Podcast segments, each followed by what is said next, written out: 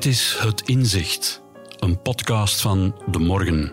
Ik ben Joël de Keulaar en in deze reeks praat ik met denkers, wetenschappers en andere slimme mensen aan wie ik vraag om een cruciaal inzicht prijs te geven. Wat hebben ze geleerd over de wereld en het leven dat ze graag met ons willen delen? In deze aflevering is mijn gast Diab Abu Jaja. Ruim twintig jaar geleden stichtte hij de Arabisch-Europese Liga en was hij even publieke vijand nummer één. Ondertussen zit hij een paar fasen verder in zijn leven en is hij leerkracht en auteur. In zijn laatste boek schrijft hij over islamisme, extreem rechts en wokeness. Ik praat met hem over de golven en conflicten van het bestaan, die er volgens hem altijd zullen bijhoren. Een gesprek met iemand die het leven omarmt.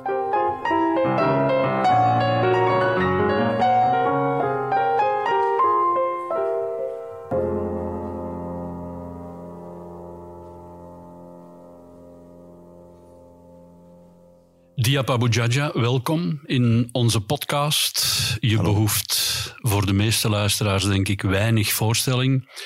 Misschien toch even zeggen, je bent geboren in Libanon, daar opgegroeid.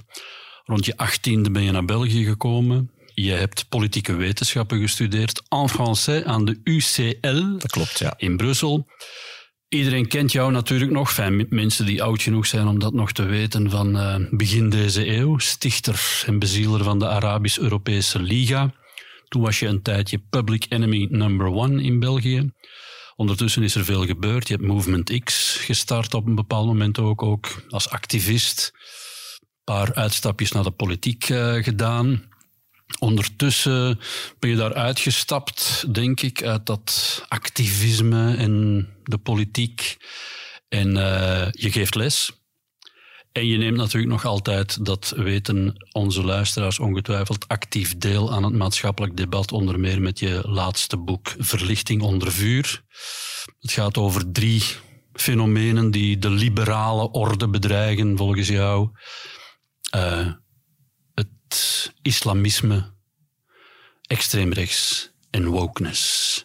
Enfin, mm-hmm. Dit alles maar om jou even te plaatsen, want wat ik je wil vragen is natuurlijk, je bent getrouwd en je hebt vier kinderen, laat mm-hmm. ik dat er nog even aan toevoegen, maar mijn vraag aan jou is dezelfde als die aan alle andere gasten in deze podcast. Welk inzicht heeft het leven jou tot dusver al opgeleverd, zo'n cruciaal inzicht dat je graag met ons wil delen? Mm-hmm. Ja, eerst en vooral bedankt voor de uitnodiging uh, en uh, ja, de efficiënte voorstelling. uh, een inzicht die voor mij een van de belangrijkste inzichten is, is altijd hoe kwetsbaar dat we allemaal zijn, hoe broos dat alles is, de broosheid van alles. hoe dat wij eigenlijk als mensen, maar ook als maatschappij, als beschaving, uh, eigenlijk against all odds bestaan. Hè. Dus we zijn, we zijn eigenlijk tegen de verwachting in uh, het leven zelf, het bestaan, het bestaan zelf hè, is against all odds, is eigenlijk een soort anomalie. Hè. En daarom is het zo kwetsbaar, zo broos, zo ja, fragile. En, en dat, je, dat we dat neigen te vergeten omdat wij soms perspectief missen. Mm -hmm op, op individuele vlak, als we jong zijn, dan neigen we dat te vergeten. We denken dat we eeuwig leven en dat we ook, uh, ja, gewoon, ja, niets kan ons overkomen. Mm -hmm. uh, maar uh, ook op collectief vlak neigen we soms te vergeten. Bijvoorbeeld, wij denken dat wij altijd in, in vrede hebben geleefd, als het hier over Europa gaat. Dus, terwijl dat eigenlijk, ja, de Tweede Wereldoorlog is maar, ja, eigenlijk 70, 80 jaar geleden. Het is, mm -hmm. het is niet zo ver. En eigenlijk, als wij een berekening maken van de geschiedenis van Europa, dan zie je dat, dat dat er meer oorlogen waren dan vredesperiode. Veel meer. Dus dat de mhm. regel is oorlog en onstabiliteit en dat de uitzondering was vrede. Ja. Terwijl dat de indruk, uh, omdat we dat perspectief missen, de indruk is een beetje anders. Het is voor mij uh, soms ook een diepere begrip in die zin dat ik ook, uh, dus of zeg maar een inzicht die dieper gaan zelfs dan, dan politiek. Het heeft te maken met hoe dat ik, ja, vooral de laatste jaren ben ik daar op een andere manier ook over beginnen denken. Dus vertrekkend vanuit die inzichten, uh, ook met corona, dus wat er uh, ja. met corona is gebeurd. Uh, en dus dat was voor mij een, ook een wake-up call vanuit die inzicht om dat nog breder te trekken. Die zien van, oké, de maatschappelijke orde aan zich is zo kwetsbaar. En dat is iets dat ik theoretisch wist, maar ik denk ik en veel mensen. Tijdens... En corona heeft dat bij jou echt toen doordringen? nu, theoretisch wist ik dat altijd. Hè? Dus als, als, je, als je mijn boek van 2016 leest, dan spreek ik daarover ook. Hè? En, ja, in je boek van 2016 beschrijf je hoe, hoe het met een stad die is samengesteld uit vele nationaliteiten, waar vele spanning heersen, hoe het eventueel uit de hand kan lopen. Nee, dat, dat was die, dat was die van 2014. Dat maar, maar, inderdaad, dat is ook, weet je, het, was, het, was, het is een soort credo die door mijn werk zeg maar, ook altijd aanwezig is. Daarin ook, daar heb je absoluut gelijk in. Mhm. Want daar maak ik een aantal scenario's dat voor sommige commentatoren toen belachelijk waren. Gewoon ridicuul om te lachen. Je maakt een paar scenario's van hoe zou het helemaal fout kunnen lopen in een multiculturele stad. Ja, en, en, ik maak dat zo als oefening, maar dan zag je een aantal... Dus ik, ik had het over uh, patrouilles, militaire patrouilles in de straten van Brussel uh, enzovoort. En, maar, dat had ik over een periode van 30 jaar, ontploffingen, uh, aanslagen. En toen vonden een aantal commentatoren dat gewoon belachelijk. Maar eigenlijk jammer genoeg, na, na, na minder dan twee jaar uh, was dat een realiteit in Brussel. En, mm en zagen we ook militaire patrouilles. Maar in 2016 ook spreken we een pleidooi voor radicalisering. Dan spreken we over een imminente clash, of zeg maar een, een, een nakende clash tussen globalistische uh, elites en nationalistische elites. En dat mm dat een soort eigenlijk burgeroorlog onder de elite zal zijn. Hè?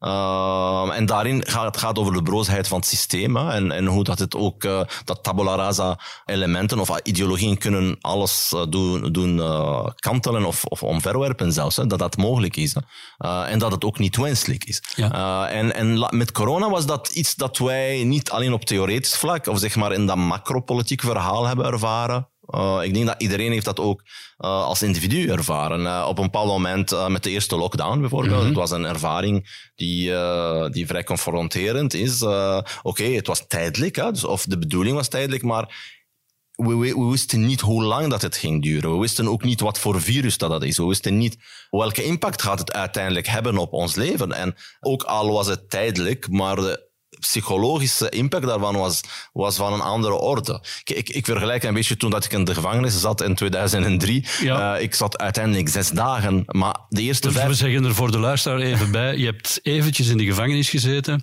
en je bent later vrijgesproken van alle mogelijke uh, beschuldigingen. En, en, ik zat in de gevangenis voor politiek activisme. Hè, dus dat is. Dat niet voor een, een, overval op een bank of zo. Nee. Maar, maar ik bedoel, ik herinner me de eerste vijf dagen als ik debatten op televisie uh, zag voorkomen over, want je hebt televisie, ja, de gevangenis hier in Antwerpen, in de cel. Ja, in de cel ja, ja, En ik volgde ook de debatten uh, op televisie en, en het ging vaak over mijn uh, dus mijn, ja, ik zeg, ik spreek nu een beetje Frans, mijn, nee, mijn, mijn zaak. Of mijn, zaak, ja. maar, en dan hadden mensen zo, ze zaten te speculeren over hoe lang dat ik in de gevangenis ging blijven en sommigen zeiden ja, acht jaar, sommigen zeiden ja, waarschijnlijk ja, een paar jaren enzovoort. sommigen waren verontwaardigd natuurlijk. Maar dus voor mij die vijf dagen, ook al, ik wist niet dat ik om over zes dagen uh, vrij ging door de raadkamer, maar ik heb die ervaren psychologisch als open, open end. Misschien ja. zit ik daar voor acht jaar. En dat, eh, de eerste dan was ook zoiets. We wisten niet dat het na, na een maand uh, of een maand, uh, hoe lang heeft dat duurt? Dus toen besefte je ook, begin deze eeuw, toen je eventjes in de gevangenis zat, besefte je, het zou kunnen dat mijn leven fundamenteel, compleet, totaal voor een groot stuk om zeep is hier? Uh, nu, het is, weet je, dat besef in mijn persoonlijk geval. Ik ben, dus zoals dat je zei, uh, in Libanon geboren en getogen. Dus het idee dat, uh, dat het leven kan plots eindigen, dat is iets dat ik mee heb gekregen van kleins af. Ik heb dat gewoon mee, rond, rondom mij gezien met oorlog. Met, uh, dus het idee dat, je, dat, dat het leven niet eeuwig is, dat had ik altijd. Hè? Okay. Dus dat was niet iets. Uh, en ook wat mij kan overkomen, ja, ik kan dat allemaal relativeren. Dus eigenlijk. Oké, okay, het was wel een ervaring. Ik, ik, ik, wil dat niet ontkennen. Ik was like, oei, wat is dat? Ik, ik, ik ervaarde vooral hoe krachtig de, sta, uh, de staat is. Hè? Want de staat is iets geks. Hè? De staat is iets dat je, uh, als, het, als het volledig doorslaat of hapert, kan, kan het eigenlijk jouw leven als individu volledig vernietigen. Hè? Mm -hmm. Terwijl dat dit ook jou kan beschermen natuurlijk. Hè? Dus de staat is niet alleen dat. Hè? Maar als het hapert op, en die hapering dan jou in kwestie eigenlijk heeft, je bent de, de object van dat, ja. van dat haperen, ja, dan, dan is dat iets heel, heel machtigs. Hè? Ja. Uh, maar de lockdown was iets anders. De lockdown ging niet over mij als individu, het ging niet over u, het ging niet over mijn buren, het ging over de hele wereld. En plotseling onze beschaving, hoe dat we dat kennen, onze manier van leven, het hele systeem, er was pauze gedrukt. En zaken gingen snel veranderen. En dan, voor mij was dat een, uh, een theoretisch element die ik uh, in mijn persoonlijk leven, maar ook in het leven van, van iedereen rondom mij zag ontplooien. En dat, is, dat ervaar je anders dan theorieën. Dat, dat ervaar je ander, anders dan wat je in boeken schrijft. Ja. Als, als veel mensen dat zo hebben ervaren, dan zou de conclusie die je daaruit trekt, die zou dan moeten zijn dat je het goede van het leven de harmonie die er bestaat, als de dingen goed gaan, als er geen virus uh, rondwaart en zo verder, dat je dat meer leert appreciëren. Hm, absoluut. Maar doen, bedoel, doe jij dat? Mhm. En uh, doen wij dat met z'n allen wel voldoende? Uh, doe jij dat? Laten we daarmee beginnen. Is ik jou... denk dat ik dat doe, ja. ja. Ik denk dat ik dat, dat uiteindelijk mijn, mijn bilan, of zeg maar mijn, mijn, mijn, mijn rekening, als ik de rekening heb gemaakt van de coronaperiode dat ik vooral meer geneigd ben aan alles een positieve draai te geven of te proberen te geven. En niet negatief, want het feit dat we bestaan, het feit dat, dat de wereld eigenlijk beweegt, wat veel mensen beschouwen als chaos. Hè? Dus uh, politiek, de politiek als, als een zee, hè? Dus, uh, die altijd in, in, een storm zich bevindt, economie die gek wordt, alles, dus alle tekenen van het leven dat veel mensen soms als chaos ervaren, zijn eigenlijk chaos niet. Geen chaos. Chaos is de dood. Het einde, dat is chaos. Uh, eigenlijk, dat is antropie. En daarom, ja. de inzicht komt van de wetenschap, eigenlijk de tweede wet van de hoofdwet van de, ja. van de thermodynamica. Die zegt van, kijk, elke, elke gesloten systeem is, ge, is, is uh, gedoemd om, uh, om uiteindelijk naar een staat van equilibrium te gaan. En als je, uh, als je dat hoort, zeg ah, equilibrium, dat is orde. Nee, maar equilibrium is de ultieme chaos. Ja, inderdaad. Voor, de, voor de luisteraar, zoek op entropie. Ja. We hebben het nu even over ja. de tweede hoofdwet van de thermodynamica. Elk gesloten systeem evolueert als je niks doet, als er geen energie van buiten binnenkomt. Maar dat hoeven we niet verder. Hè. We zijn geen fysici. Nee. Nee. Maar, maar dat is inderdaad wel... Ehm, maar veel mensen denken van... Een chaos, fundament onder het bestaan. Chaos is het leven. Chaos, nee. Chaos is de dood. Exact. Het leven is niet chaos. Uh, en dat is een inzicht dat je het kan... Het leven is, is, is, is, is net verzet tegen de chaos. Ja, is verzet. En het is ook niet ultieme orde. Hè? Het is een vorm van orde. Dat, wat wij als leven, dus wat wij bijvoorbeeld als soort met de planeet doen. Oké? Okay? Veel mm -hmm. mensen ervaren dat als chaos. Dat is niet chaos, dat is leven. Oké? Okay? Hmm. Chaos zou zijn dat ons planeet uh, zonder leven is. Een beetje zoals uh, planeet Mars. Hè? Of, of, of een andere, of Venus, of elke, welke andere planeet. Dat is chaos. Oké? Okay? Waar dat geen enkel leven is en geen enkel impact heeft op een planeet. Uh, terwijl dat, dat in onze, ja, in een, in een metaforische manier om dat te zien, dat is andersom.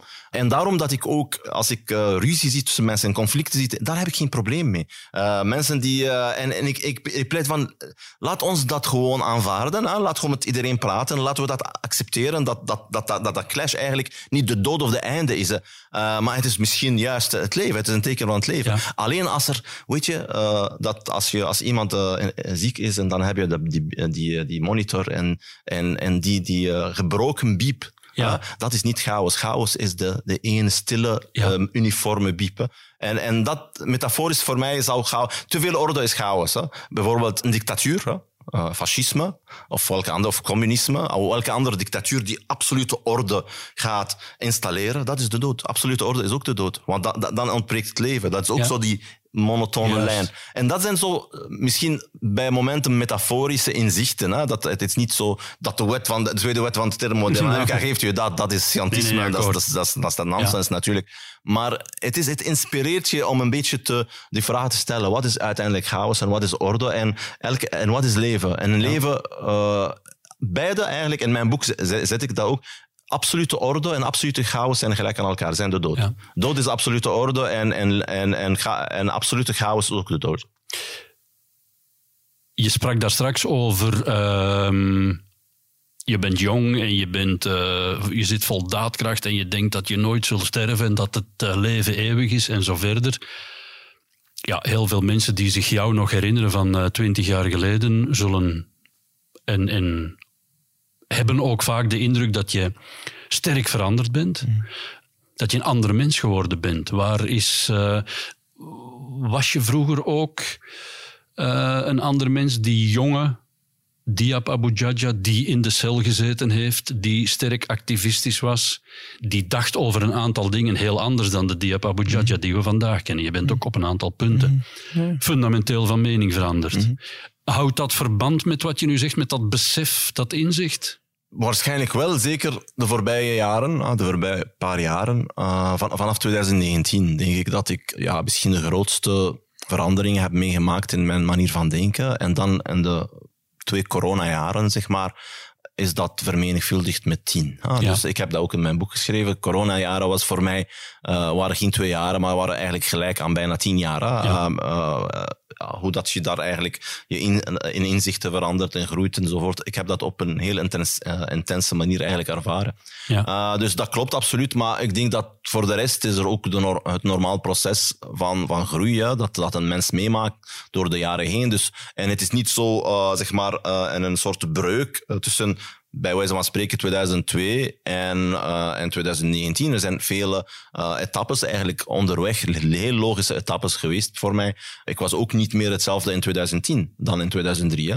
Mhm. En hetzelfde opnieuw in 2014 ook niet. En, en, en er is telkens een evolutie en dat vind ik juist, voor mij is dat ook een teken van, die evolutie is een teken van leven, is een teken van oké, okay, ik, ik, ken, ik heb de waarheid niet in pacht en, uh, en ik ben constant on, op zoek naar, naar die waarheid. Hè? -hmm. en, of naar een versie uh, die het meeste, uh, die op basis van, van de feiten die ik ken als waarheid kan, kan ervaren.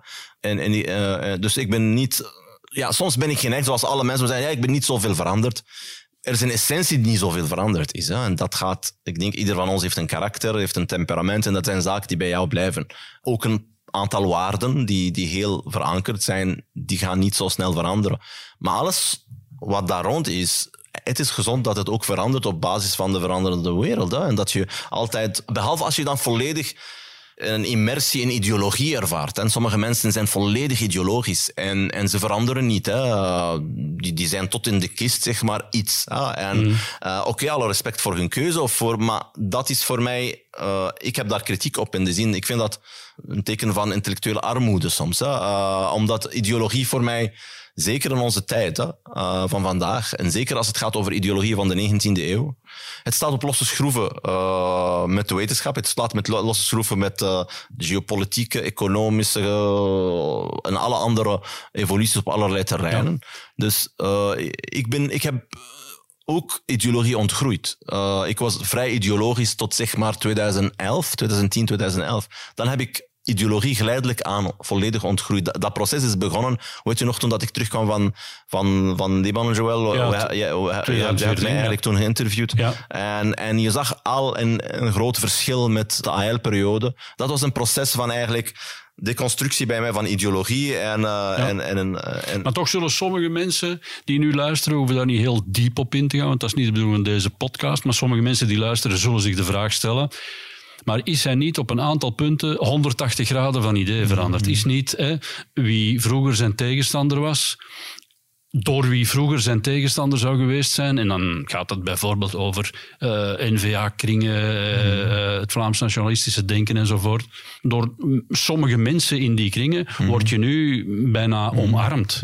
Maar dat zijn mensen die mij niet zo goed kennen. Hè? Omdat, mm -hmm. Daarom dat ik ook heb gerefereerd naar dat interview in Knak in 2013, einde 2000, of begin 2014. Begin 2014 Omdat dat, ja. onder andere daar ging over uh, dat ik sinds, sinds altijd eigenlijk sympathie had voor het Vlaams nationalisme. En toen, Klopt, heb je toen gezegd. Ja, ja, ja. En, en dat is mensen die mij kennen, ze weten dat een van de, ja, dus dat was toen Volksunie hè, natuurlijk, met eerder een progressieve versie van Frans nationalisme, en dan Bert Anciot en zo.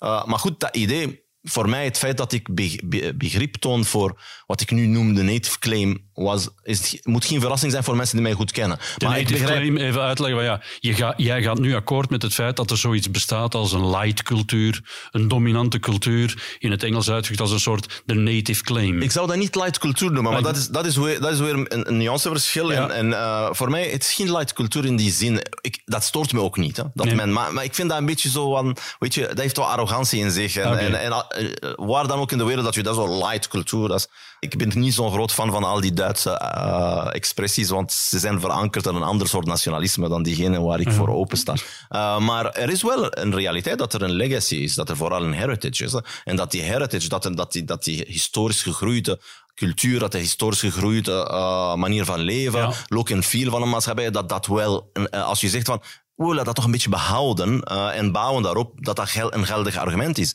En Want vroeger zou je gezegd hebben, twintig jaar geleden, ja, iemand die zich niet kan aanpassen aan het feit dat hier kinderen van migranten wonen, die moet maar opkrassen, hè, aanpassen of opkrassen. dat, is, dat, was redelijk... Ja, wel, dat, is een, dat is een communicatiestijl, uh, maar inhoudelijk ben ik nog altijd van dezelfde mening. Want okay. uh, let op, Joël, want hier gaat het niet over het feit dat hij begrijpt dat de autochtone Vlaming zegt van dit is Vlaanderen en hier spreken we Nederlands. En, uh, en we hebben een, een christelijke cultuur, uh, of een cultuur die verankerd is in het christendom en, en, en, en uh, een westerse cultuur en we willen dat behouden. En daar, mm -hmm. daar ben ik mee. Daar mm -hmm. ben ik mee. Maar wat je hier zei net, mens, mensen die een probleem hebben dat kinderen van migranten in dit land burgers zijn.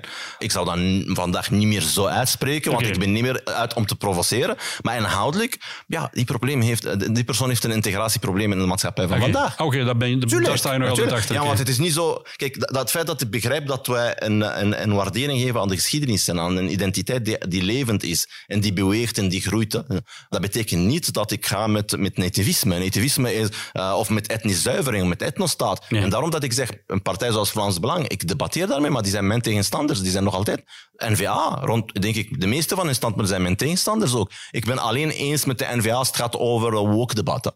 Ja. Uh, daar ben ik met hun eens. Ja, maar ook meer, woke, ja. Ja, ja. Maar, maar dat is een fragment. Maar als ze praten over economie, ik ben niet eens met de NVA. Als ze praten over hoe dat zij kijken naar onafhankelijk Vlaanderen, ik ben niet voor een onafhankelijk Vlaanderen. Dus Okay. Dus daar ben ik niet 180 graden. Maar mensen hebben de neiging om eh, jou te willen definiëren als persoon. Je bent zo. En als je daar eh, enige nuance in brengt in je verhaal, dan hebben veel mensen de neiging om jou als publieke figuur af te rekenen op, op dat. En dat is niet in mijn geval alleen, dat is een algemene zaak. Hè. Dus. Ja.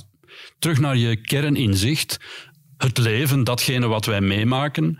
En dat gaat gepaard met botsing en met ophef en met gebeurtenissen en met turmoil en met stormen en wat dan ook. Dat is het leven.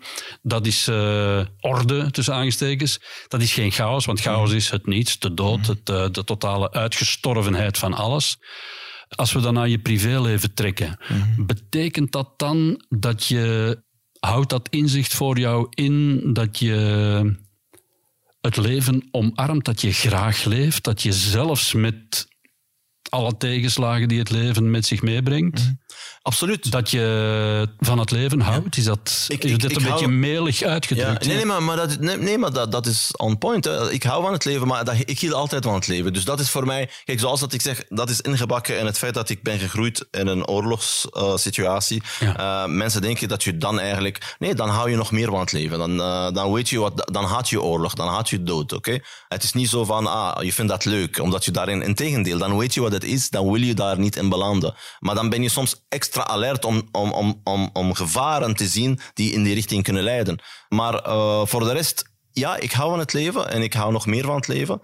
Uh, hoe ouder dat ik word, hoe belangrijker dat het voor mij uh, wordt dat ik leef. Zeker omdat ik ook kinderen heb. En, mm. en, en, en, en ik denk in die rol als vader hou je nog meer van het leven, omdat het leven voor jou is ook leven voor anderen en niet alleen voor jezelf. En dat is voor mij, ja, uh, misschien in de jonge Diaba Boujaja zou dat als een zwakte ervaren, weet je. Ja, hoezo? ja, want ik, was, en ik leefde in er was een periode waar er ook doodsbedreigingen waren en allerlei zaken. En, en, en dan uh, op sommige momenten hebben mijn familie, dus in Libanon, mij gecontacteerd van ja, ja kijk, beneem je daar niet te veel risico. Misschien moet je toch België uh, verlaten. Maar ook andere mensen, vrienden van mij, hebben mij aangeraden om dat te doen. En toen was ik van, nee, dat ga ik niet doen. Uh, Oké, okay, we gaan allemaal toch sterven. Huh? Dus uh, ik ga niet uit angst van, uh, van wat dan ook mijn manier van denken of manier van handelen veranderen. En, en die beslissing kon dus je ik... dacht toen, als ze mij s'nachts komen vinden en ze willen mij doodknuppelen, dan doen ze maar. Ja, en niet dat ik dat leuk zou vinden, nee, nee, nee, natuurlijk niet, niet. Maar ik, ik, ik ga niet geïntimideerd worden. En toen dat ik in Libanon was, ik ging op dat elan een beetje, maar ik had al kinderen. En daar is het nog veel gevaarlijker dan in België. En tijdens de Arabische lente. Ik heb op een bepaald moment uh, van iedereen een vijand gemaakt in het land. En, uh, en ja, daar gaat het niet over jou zes dagen in de gevangenis gooien totdat de rechter zegt van die gast hoort hier niet. Daar is het een ander verhaal. Uh, ik, ik moest op een bepaald moment elke dag checken als er een bom was onder mijn wagen voordat ik mijn dochtertje naar school breng then it hits you. Weet je? Dan zegt mijn vrouw, ja, waar ben je mee bezig? En dan zeg je, ja, ik kan die beslissing niet meer nemen voor mezelf. Oké? Ik heb nu uh, kinderen, ik heb nu een familie. En, en dat, is, dat maakt... En dan heb je ook beslist, wij moeten terug naar België. Ja, ja dus dan heb ik, dan heb ik inderdaad gezegd, oké, okay, uh, we moeten naar België omdat het veiliger is. Uh, veiliger voor de kinderen. Terwijl dat mijn manier van denken ervoor was, ik ben bereid om risico's te nemen en je neemt die beslissing voor je eigen. Dus je bent niet, maar als je die beslissing neemt voor je familie, dan is een ander verhaal. Dus ja, je houdt meer van het leven. Ben je dan meer kwetsbaar? Ja, dan ben je meer kwetsbaar als je, als je van het leven houdt. Uh, als je niet van het leven houdt, of als je houdt niet noodzakelijk in dat egoïstische manier. Van je wilt leven, want je wilt uh, je, je, kinderen zien groeien. Je wilt uh, naar de universiteit zien gaan. Je wilt, weet je, ja. uh, elke vader erkent dat, hè, een moeder dat maakt je kwetsbaar. Want uh, je, je staat en denkt van oké, okay, uh, ja, ik wil misschien niet te veel risico's nemen als het gaat over clash met, met macht. Als het gaat, als het gaat. Dat, is, dat is een feit. Uh, en dus daarom, nu zou je ook minder geneigd zijn om risico's te nemen? Inherent aan mij, het kribbelt altijd. Ik, in mijn karakter, mijn persoonlijke drive is om actief te zijn. Is, ik kan, elke dag heb ik zin om echt op de barricades te gaan staan voor van alles en nog wat. Maar ik probeer dat te bestrijden. Ik weet niet hoe lang dat, dat gaat duren. Uh, maar... Wanneer, dat is nu een persoonlijke vraag, wanneer heb je je vrouw leren kennen?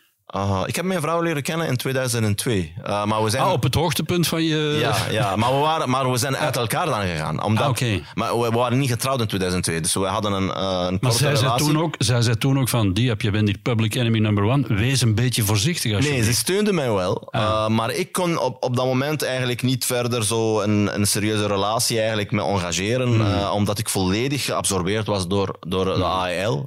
en dat was een heel, heel hectische periode. En, maar later hebben we een zo'n een tweede kans, een herkansing gekregen in, in, in 2007 ongeveer. Of 2006. En uh, ja, dan zijn we, zijn we gaan trouwen. Uh, maar dat was dus de tweede de herkansing, hè, ik en mijn vrouw. Maar goed, ik moet zeggen, mijn vrouw steunt mij. Hè. Zij, want zij heeft ook vergelijkbare idealen. Hè.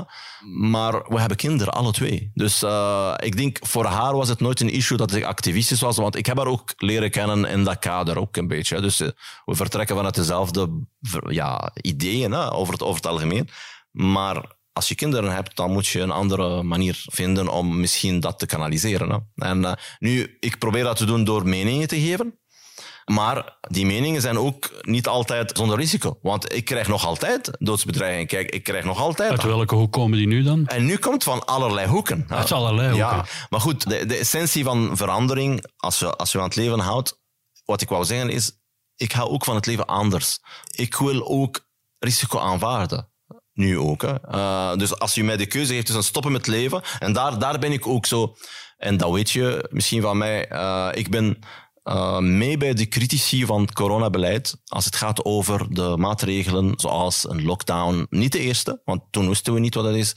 Tweede, limite, maar daarna lockdownsmaatregelen, maar ook de avondklok, bepaalde beperkingen op bepaalde momenten. Zeker vanaf het moment dat er een vaccin was. Hè. Dus ik, ik hou van het leven en het leven kan niet zonder risico. We moeten de risico omarmen. En dat, dat drang om alles zo perfect veilig te maken enzovoort. Ja, dat, is, dat komt van het, houden van het leven is dat je zegt van nee, het kan niet perfect zijn. Uh, anders blijf je thuis. Anders, bij, uh, anders nu ook uh, in het verkeer, hoe gevaarlijk kan dat zijn? Natuurlijk, ik weet het verschillen. Ik ken de preventieparadox en ik ken ook dat het niet, dat het niet contagious is. Ik weet dat, maar ik bedoel, een algemene inzicht is van er moet een, bepaald risico genomen worden en dan kan het leven wel verder. Ja. En, en uh, voilà, dus dat is ook een, iets dat ik mee heb genomen tijdens die periode. Ja. ja. begrijp ik, dat begrijp ik. Hoe kijk je dan naar, want je zegt inderdaad, alles botst, alles stormt en zo verder, en de, de woeste zeeën en de economie die sprongen maakt. En, uh, hoe kijk je dan naar beleidsmakers in ons land, naar regeringen, overheden in ons land en in, in Europa, laten we zeggen, maar misschien specifiek België, Vlaanderen. Er is een sterke neiging in heel wat hoeken van de samenleving om erg pessimistisch, neerbuigend en, mm en, en uh, denigrerend te mhm. staan ten aanzien van politici. Ik weet niet hoe, mhm. hoe, dat, daar, heb, je, is er bij jou meer mededogen? Of hoe kijk je daarna naar die wereld? Uh, ja, ik merk dat. Hè. Ik merk dat dat sterke antipolitieke reflex daar is. En, en, en natuurlijk moet je duidelijk maken dat de politici ook voor een deel verantwoordelijk voor zijn. Dus ik, ik vind niet dat het politiek over het algemeen denderend werk aan het leveren is. Hè. Dus in ons landen. Uh, zij het op Vlaams niveau of op uh, federaal niveau. Ik, ik vind dat alle twee de regeringen hebben steken laten vallen in verschillende dossiers. En uh, dat men echt volledig bezeten is door uh, een politieke marketinglogica, waar dat je moet schieten op de ander, moet scoren op de kap van de ander en moet laten zien dat de andere slecht is en dat je goed bent. Ter, uh, en vooral op korte termijn met de volgende verkiezingen in zicht. En dat is een groot probleem in, in dit land. Een ander probleem is de particratie zelf. Hoe, hoe dat men aan politiek doet in dit land, waar mm -hmm. dat je mhm. eigenlijk een koning hebt, een bepaalde partij en zo bij de NVA een Bart de Wever, bij, bij vooruit een Conor Rousseau. Je hebt sommige partijen waar dat daar niet het geval is. Hè. Bijvoorbeeld op een VLD, dan heb je meerdere. Uh, en dat is misschien iets positiefs aan die partij. Maar daar, daar heb je ook een andere negatieve probleem. En dat zijn die baronieën, die historische families, die daar ook een beetje de, de plak zwaaien in die partij. En, en, en daar zit eigenlijk wat serieuze... En dan heb je de extremen. Dan heb je Vlaams Belang en PvdA. En die hebben zo de, het voordeel van uh, niet aan het beleid uh, te, te moeten doen. En zij kunnen alles bekritiseren. En Zou gewoon... het voor jou kunnen, Vlaams Belang, mee aan de macht? Nee, niet zoals het Vlaams Land. Kijk, ik ben tegen het cordon sanitair. Om te beginnen, ik ben niet voor cordon sanitair. Voor mij, het cordon sanitair is niet alleen contraproductief, is als idee gewoon niet aanvaardbaar. Oké, Dat je zegt van, ja, per definitie, er is een, een, een, een code of honor, die partij moet uitgesloten worden. Maar ik zou persoonlijk, bij, ik zou persoonlijk tegen een deelname zijn van het Vlaams Belang nu aan, aan, het beleid. Moest ik een politieke partij zijn of iets te zeggen hebben in een politieke partij. Maar komt er niet op hetzelfde neer? Nee, want dat is, uh, dat is je normaal zou kunnen politiek. Aanvaarden, je zou ik, wil, ik wil ook niet meedoen. Ik wil ook niet, uh, niet meedoen. Ah, ja, ik... Je zou kunnen aanvaarden dat iemand anders een, een meerderheid vormt met Vlaams Belang. N-VA en Vlaams Belang, stel ze hebben een meerderheid. Ik zal ze, ze vormen dan, een regering. Ja, Oké okay voor ik jou. zal dan kritiek uiten en houdelijk daarop. Het verschil is van jij bent een paria, jij bent erbuiten. Daar ben ik altijd tegen geweest. Ik ben nog altijd tegen. Dus dat, dat paria stellen op basis van een morele verontwaardiging tegenover een partij, oké, dat is voor mij niet oké. En weigeren om mee te gaan met een partij omdat ze bepaalde ideeën hebben waar mm. dat je 100% tegen, tegen bent. En zeker als het gaat over, bijvoorbeeld, waar, waar zitten de grootste problemen bij Vlaams Belang? Bij hun beleid die gaat over bevoegdheden federaal en bevoegdheden uh, Vlaams. Oké? Stel je voor dat ergens in een dorp een figuur is die komt van Vlaams Belang, zoals in Grimbergen, uh, en een coalitie uh, vormt en is bezig is met een, met een beleid op gemeentelijk vlak. Ik ga niet direct mee bedreigd voelen in mijn burgerrechten, snap je? Maar ik ben, ik ben wel als burger, maar ook als mm -hmm. vader van kinderen die lijken op de kinderen die systematisch worden door het Vlaams Belang geviseerd als zijnde een, een oorzaak van een probleem. Ik ben heel emotioneel gevoelig daarvoor. Maar ik laat mijn emoties daar daarin niet meespelen. In die zin van, waar ligt het gevaar van deze partij? Deze partij, zijn gevaar is vooral als het aan beleid, aan groot beleid doet, aan, aan, aan, op Vlaams niveau en op federaal niveau. Uh, dus daar lig ik wel van wakker. Maar als je ergens in een, in een dorp uh, in coalitie sluiten. Ik ga niet zitten van oei, einde van de cordon. Nee, goed, je... maar het begint in een dorp en het eindigt in Vlaanderen. Dat kan, dat is, zo, dat, is een, dat is een crescendo, dat kan inderdaad een slippery slope zijn, whatever. Maar kijk, ik vind het grootste probleem van de Vlaams Belang en, uh, is dat je op een bepaalde manier communiceert. Uh, zeker een figuur zoals Dries van Langehoven en Philippe de Winter, die volledig mensen stigmatiseert en essentialiseert als negatief. En dat Tom van Grieken zegt dat hij daar niet mee aan doet, maar soms doet hij dat wel onrechtstreeks. Ja. En zolang dat Vlaams Belang uh, voor mij als persoon, en dat is niet een kwestie van, van cordon sanitair, dat is een kwestie van, kijk, het gaat daarover. En uh, zolang dat Vlaams Belang dat duldt of, of, of, of blijft gedogen, dan is het voor mij, moest ja. ik iets te zeggen hebben in een politieke partij, geen mogelijke partner. Nee. Oké? Okay? Uh, that's it. Voor mij hetzelfde geldt bijvoorbeeld op een minder gevaarlijke manier weliswaar over PvdA. Want mijn probleem met de PvdA is eerder over hoe dat ze kijken naar het verleden en ja. dat ze niet in staat zijn om... Maar ik vind ze minder gevaarlijk uh, dan Vlaams Belang in deze. Want dat is ook een discussie over de geschiedenis. Allicht, ja. Bij Vlaams Belang is vooral uh, hoe dat ze communiceren over nu, vandaag en morgen. Ja, tuurlijk, ja. Ja, ja, ja, Om af te ronden, Diap. Dat inzicht dat het leven en alles wat het met zich meebrengt aan uh, ophef en stormen en uh, bewegingen enzovoort en zoverre, dat we dat moeten ja, omarmen, want dat is het leven. En het alternatief is de dood. Als ik nu aan het luisteren ben naar deze podcast, Welke les kan ik hieruit trekken? Uh, Geef on, je mag een, een, een, een, slotwoord aan onze luisteraars richten. De grootste uitdaging met dat besef dat wij against all odds, tegen alle verwachtingen in bestaan, en dat onze beschaving ook tegen alle verwachtingen is enzovoort, en dat de, uiteindelijk de ontropie gaat misschien winnen in het systeem in de hele heelal. De grootste uitdaging is hoe dat je niet pessimistisch kunt worden en optimistisch blijft. En ik denk juist in die spanningsveld tussen pessimisme, de gegeven door de eerste, op eerste instantie, als je kijkt naar zo'n naar, naar zo'n inzicht, naar zo'n waarheid, naar zo'n wetenschap, en hoe kun je optimistisch blijven? Hoe kun je aan beschaving bouwen? Hoe kun je blijven leven, kinderen maken enzovoort? Dat is juist beschaving. Daar, in dat spanningsveld, is gewoon weigeren om onder te gaan. Hè? Dus als species, als, als soort, wij mensen, if we go down, we go down swinging. We gaan niet, bijvoorbeeld hetzelfde met discussie over klimaat, we gaan niet zeggen van oei, we moeten die, uh, die en we moeten dit. Natuurlijk moeten we wat, wat, wat morele inspanningen doen en af en toe fietsen en zo, dat is allemaal in orde. Nee, maar we moeten met onze wetenschap en onze technologie de entropie, ook als het gaat over het klimaat, overwinnen. Dus de, de weg vooruit is de weg. Dat is eigenlijk eh, een beetje een kernwaarde van de verlichting, vooruitgangsoptimisme. Dit behouden, wetend, zo, weten dat, dat, dat alles is against all odds. Dat is de, de spanningsveld. Maar daar, daar ligt, denk ik, beschavingsdrang. Hè? En, en dat, dat, dat koester ik, dat vind ik belangrijk. Mag ik jou ongelooflijk danken. Dank u wel.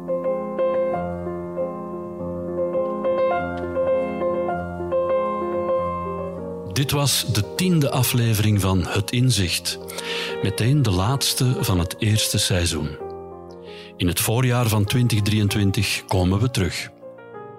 U kunt de voorbije tien afleveringen ondertussen altijd herbeluisteren via de app van de morgen of via uw favoriete podcast-app. Reacties blijven welkom via podcasts.demorgen.be. Ik dank Dries Vermeulen voor de opnames en montages en Sam Vijs voor de eindredactie.